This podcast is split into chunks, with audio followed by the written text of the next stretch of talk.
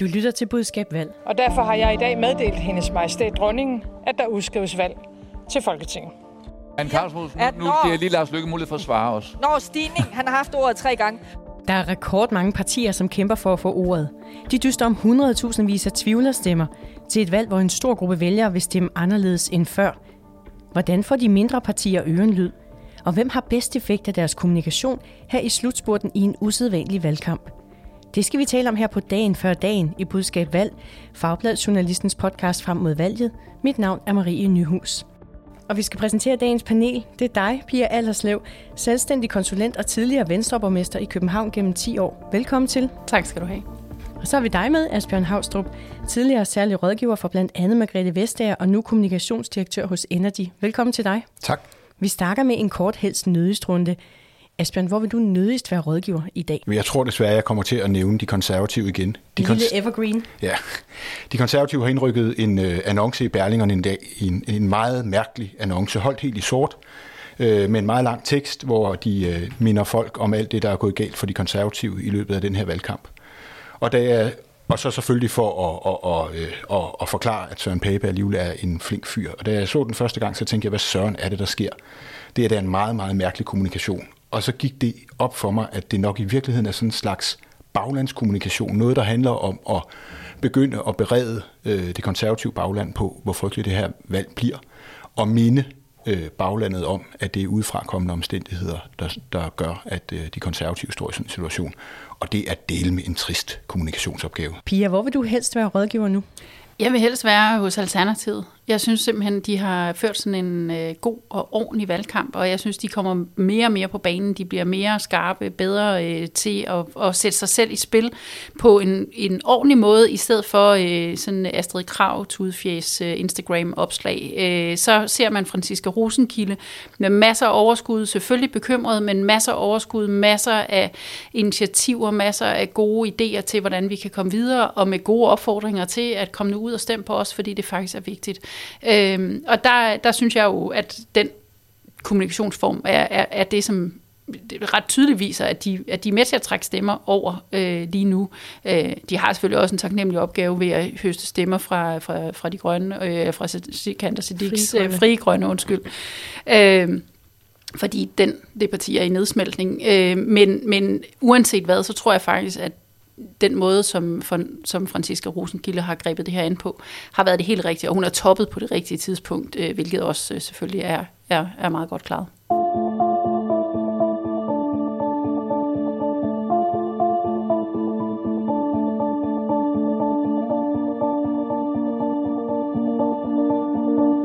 Pia og Asbjørn, valgdagen er i morgen. Hvor meget er egentlig stadig i spil, Asbjørn? Jamen altså, der er stadigvæk noget i spil. Det er lidt på en anden måde, end, øh, end det har været indtil nu, men blandt andet er der jo øh, en mobiliseringsopgave, og især for partierne på, på rød fløj. Der er rigtig mange tvivlere, øh, og når der er mange tvivlere, så er der også en risiko for, at valgdeltagelsen bliver lidt lavere, end, øh, end den har været de foregående år. Og, øh, og øh, der er erfaring for, at en lav valgdeltagelse går ud over partierne i Rød Blok. Så for eksempel partierne i Rød Blok har en enorm opgave i øh, fortsat, eller fortsat at kommunikere, at folk skal gå ned og stemme.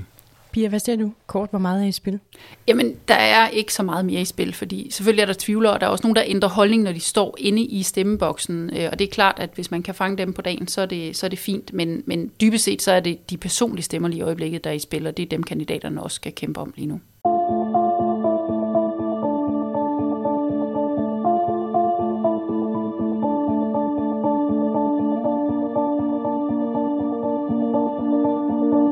Vi har nævnt det før i budskab. Det er en usædvanlig og også en usædvanlig spændende valgkamp.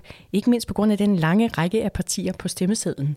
Jeg håber, jeg også får lov til at svare på det med, med psykiatrien. Tak fordi jeg fik ordet. Vi kan godt selv høre det. jeg spørger, men, men, men, hvorfor har man så ikke brugt... Må jeg, ikke lige- hvis jeg lige må tale ud? Vi er begge to lov at svare ret kort nu, så får I begge to ordet nemlig. Jeg har lige fået ordet. Men og det er jo derfor, og det er jo derfor, vi, vi bliver... Med al respekt, så synes jeg, vi skøjter noget hurtigere sted. Så skal vi hjælpe målrettet. Så skal vi hjælpe. Må jeg lige være færdig med point? Så skal vi hjælpe. Jakob Ellemann, han springer i luften nu, hvis ikke han får ordet. Ja, det var et sammenklip fra partilederrunden i aftes, vi hørte her, og det viste jo blandt meget andet, at øh, flere partier kæmper for at få taletid.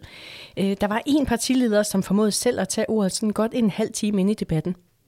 Vi er nødt til at sige, at når antallet af mennesker, der har brug for hjælp i vores sundhedsvæsen, stiger, Så Men, hjælper det ikke, at de her siger, nu, at nu når, giver lige Lars Lykke mulighed for at svare os. Når stigning, han har haft ordet tre gange, når stigningen er det halve. Sådan.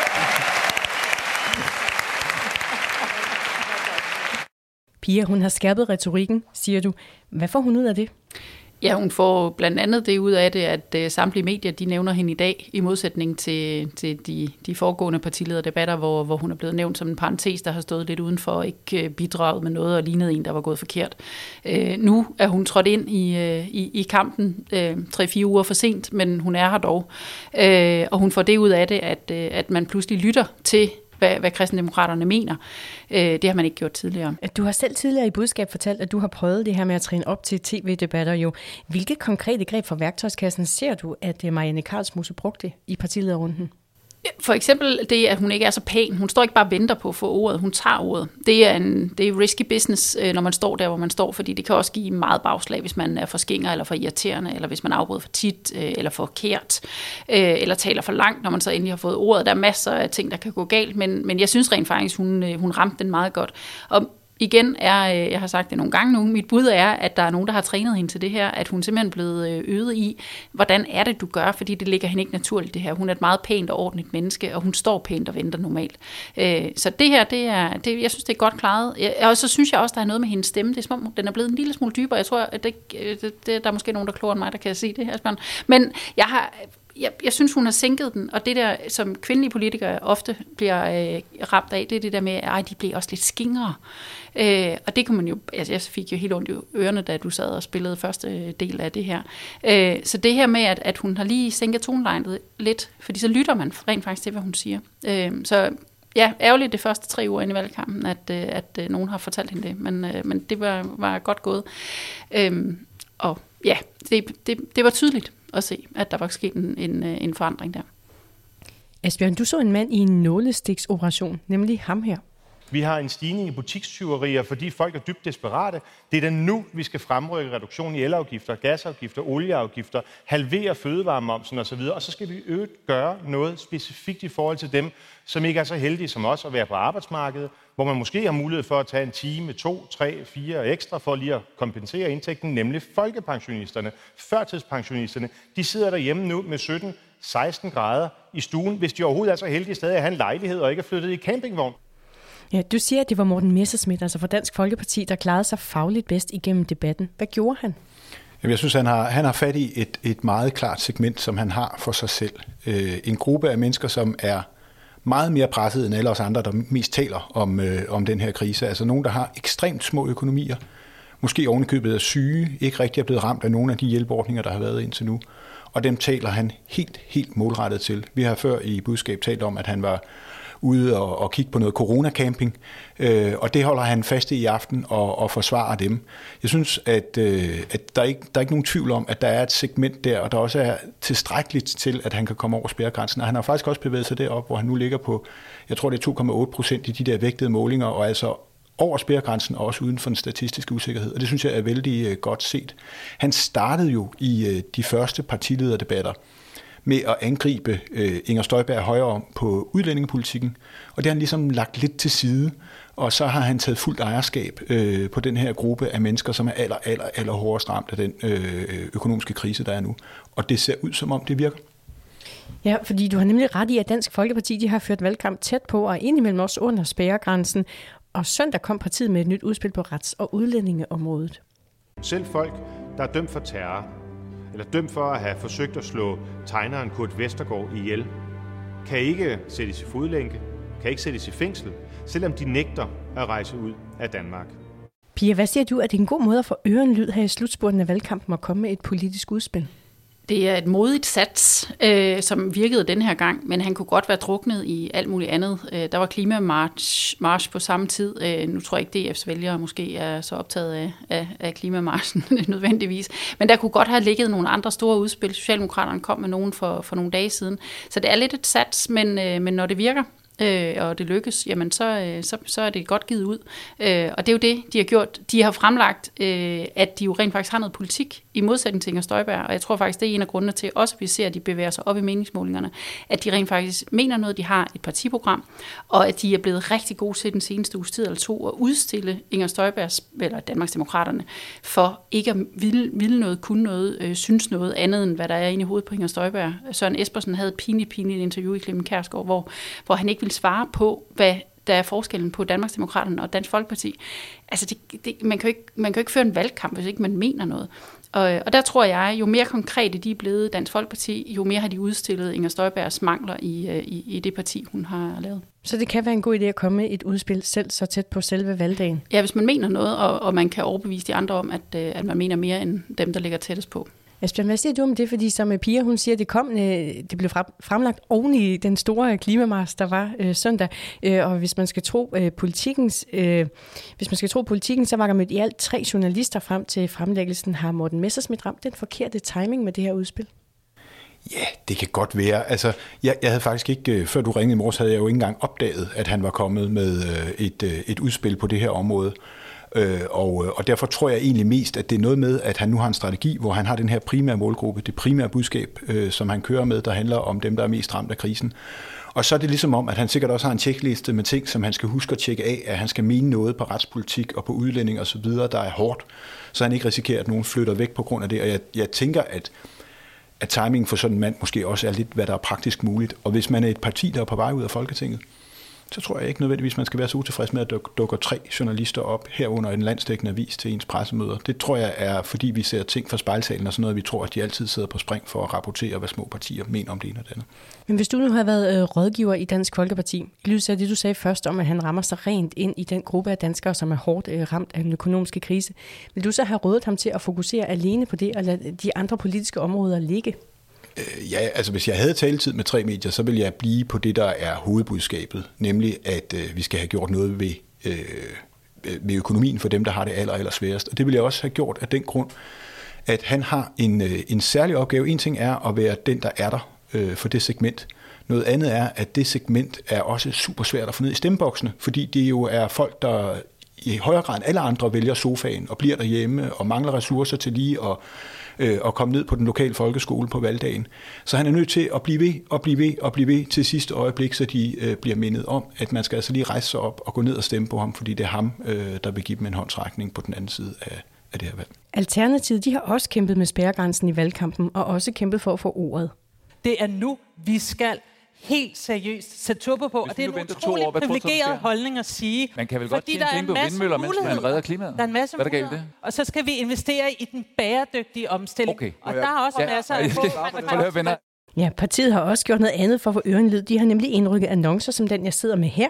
Vi mangler kun én stemme, din, øh, lyder teksten, og den har været bragt i politikken, Jyllandsposten og Information, og også på Alternativets sociale medier.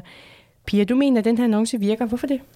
Jamen, den er jo netop med til det, som Asbjørn sagde før, med at få mobiliseret, øh, få forklaret folk, at det gør en forskel. Det er faktisk bare din stemme, vi mangler, og når man har ligget og rundt nede omkring spærgrænsen, så er det jo bare én stemme, der skal til. Øh, og hvis alle går op og tænker sådan, øh, og, og, og derfor går ned og sætter deres kryds, jamen så, så bliver det jo et bedre valg til Alternativet, eller hvem, hvem man nu ellers vil ramme. Så, så det her, det virker, og jeg synes, det er genial kommunikation. Altså, det, det her, det, det fordrer selvfølgelig, at man ved, hvad Alternativet står for. Så det her, det er jo til kernevælgerne, eller de andre venstrefløjsvælgere, dem fra de andre partier, der ligger lige rundt omkring, som i stedet for at stemme på dem, stemmer på Alternativet. Øh, det kunne øh, de konservative måske også have gjort.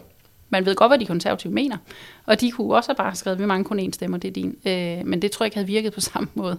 Øh, her, der, der rammer de fuldstændig rent, øh, og det vil trække nogle stemmer fra de andre partier øh, på venstrefløjen. Asbjørn, du nikker, men du sagde også til mig før, at den her annonce er lidt en, et, et tvækket svær. Hvordan det? Jamen, jeg, jeg, altså jeg, jeg er enig i Pias analyse. Det, den taler op til dem, der skal stemme, og den mobiliserer og alle de der ting og sager. Det, den selvfølgelig også kommer til at gøre, men det er også der, at den, der kommer strøm på den, det er jo, at den også understreger, øh, at de faktisk mangler en stemme. Altså det her, som de er bange for, at folk vælger dem fra, fordi man er bange for at, at, at ryge kategorien stemmespild. Det er jo den lille bitte bagside af det der svær, hvis det er tvækket. Det er jo, at, at de bekræfter folk, øh, der er bange for, at, øh, at stemmen kan være spildt, fordi stemmen mangler. Men tror du ikke, fordi hun har haft så meget overskud i, i de seneste par uger, så tænker man ikke længere, at hun ligger, eller de ligger og rundt i, omkring spærgrænsen? Ja, jeg, jeg er også vild med annoncen. Ja. Altså, og jeg, og jeg, den er i tråd med den kommunikation, Alternativet altid ja. har stået for, og det der med at tale direkte til folk og være i øjenhøjde, og jeg synes, den er, jeg synes, den er super elegant. Så ja. den jo også grafisk elegant. Men, men så lad mig også lige høre jer, er annoncer i det hele taget et godt greb her i slutspurten af en valgkamp? Øh, vi har nogle aviser liggende her på bordet, og det man kan se, det er jo, at aviserne er plastret til med annoncer. Så er annoncer et godt greb her i slutspurten? Jeg ved ikke, hvor meget det rent faktisk flytter. Øh, jeg har ikke set nogen af dem, øh, før jeg kom herind, øh, fordi jeg øh, sidder og scroller på min telefon, når jeg læser nyheder. Øh, så det der vil jeg aldrig være faldet over. Jeg fjerner de der annoncer, der kommer på min telefon, så jeg er slet ikke i segmentet for det. Men det kan godt være, at det rykker lidt, øh, men, men det, der tror jeg, at de sociale medier, altså den måde, man kommunikerer til sin faste gruppe, er, er måske mere... Altså de der avisannoncer, tror jeg i bedste fald er bare for at minde folk om, at det er i morgen, vi skal gå ned og stemme. Ja, eller måske som Asbjørn nævnte tidligere, mobilisere vælgere, eller hvad siger du til det her, Ja, men præcis. Altså det, det tror jeg, det for eksempel er for Socialdemokratiet, at, øh, at, at de vil minde folk om hele vejen ind i stemmeboksen, at øh, hvis man gerne vil have, at, at, at Mette Frederiksen fortsætter øh, og leverer på den tryghed, som er hendes øh, claim to fame i den her valgkamp, så skal man huske at gå ned og stemme. Og så er de sidste dages øh, annonceoprustning, det er jo også sådan lidt et våbenkapløb. Altså det er jo også øh, sådan fear of missing out, at, øh, at hvis det kun er socialdemokrater, der kører, øh, kører hele politikken op, eller hele BT op, så bliver, sidder man jo over i Venstres øh, kampagneafdeling og bliver en lille bitte smule bange for, at der var nogen, der skulle glemme øh, Venstre. Og så kører man også et par, par helsider for at være sikker på at, at, at være der med noget politik. Så det, ja, jeg er også i tvivl om effekten af det her. Jeg tror egentlig, at effekten er størst på, på uh, avisernes uh, budgetter.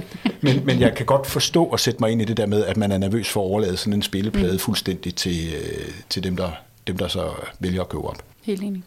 I morgen er det valgdag, og så er det slutningen på en lang valgkamp. Øh, Asbjørn, som du ser det, hvordan har det ændret partiernes kommunikation, at der er hele 14 partier på stemmesedlen denne her gang? Jamen, altså, jeg, jeg, det er det vildeste valg, der har været i, øh, i mit liv, tror jeg. Jeg er født efter det der berømte jordskredsvalg, men, men kun lige efter. Men det er, jo, altså, det er jo virkelig et crazy valg, og det er et valg, der når vi kommer til at sidde herinde på den anden side og kommer til at tale om det, så er der så mange ting, der er ændret. Altså, Blå Bjarne er død som den afgørende vælger. Alt, alt muligt øh, er der sket. Folk er sindssygt meget i tvivl om, hvad de skal stemme. Og så er der de her 14 partier, øh, som jo bare betyder, at, at, øh, at der virkelig er rift om øh, hver eneste lille bitte spalte millimeter. Og det betyder for mig at se i hvert fald to ting, og sikkert rigtig mange flere. Men det betyder jo øh, først og fremmest, at, øh, at man skal vælge, hvad det er, man vil være kendt for. Øh, hvad det er for en dagsorden, øh, en agenda, man vil eje. Det skal man også gøre, fordi vælgerne er blevet meget mere orienteret mod agendaer, og meget mindre mod sådan generelt bred politik. Og det synes jeg også, man kan se. Altså hvis man kigger bredt over partierne, dem der ejer en agenda, det er dem, der klarer sig godt. Enhedslisten, der ejer klima, SF, der ejer børnene eller pædagogerne, om man vil, øh, Støjbær, der ejer by og land, øh, Hvem ejer så ikke en agenda? Jamen, så er der jo dem, hvor det er, går sværere. Det er jo for eksempel sådan et, et parti som det radikale venstre, som ikke rigtig har fået sat sig på en agenda. Der har spillet mange udspil ud i den uge, der er kommet, sådan lidt teknokratiske udspil, men gode udspil, men jo ikke rigtig ejer nogen agenda. Er fraværende på hele den dagsorden, som betyder mest for vælgerne, nemlig sundhed. Det er også sådan et parti som det konservative Folkeparti, som på det tidspunkt, da de spillede ud med deres økonomiske politik, jo faktisk var et meget stort parti i målingerne. Så spillede de ud med en agenda, der ikke svarede til at være et folkeparti, nemlig et sådan et lidt øh, et meget blot, kan man godt sige, skatteudspil, som måske i virkeligheden passer bedre til deres kerne, end til sådan en 15, 16, 17 procent af vælgerne, og så gik det galt. Så de der, der ikke rigtig ejer en agenda, de har det, de har det svært i, i den her valgkamp. Øh, og, øh, og, og det tror jeg er en af de store ting. En anden ting er selvfølgelig, at meget af det flytter, som Pia siger, over på de sociale medier, hvor man kan kommunikere direkte. Altså man ikke er afhængig af at kunne få fat i de der spaltemillimeter, man kan øh, kommunikere direkte til sin målgruppe. Og jeg synes også, man kan se de tv-debatter, der har været, altså de har jo været uendelig lange, og jeg har virkelig kun set dem, fordi jeg skulle herind øh, og, og, øh, og være med, eller fordi jeg skulle bruge så andre. Ja, det er meget, meget tungt. øh, og, og det er jo igen det her med, at folk, altså, at, at medierne bliver også nødt til at forholde sig til, når der er så mange partier, om det er så den rigtige måde at lave de her partilederdebatter på. Jeg synes jo, Kåre Kvist og, og, og det er måden, de har lavet det der enpartis øh, øh, øh, mødepartierne. Øh, mødepartierne, har været genialt, fordi der har man ligesom kunne sige, det her parti kunne jeg måske godt overveje, jeg skal lige høre lidt mere. Så øh, der, der skal også ske noget på mediesiden, hvis, hvis der skal være 14 øh, partier næste gang.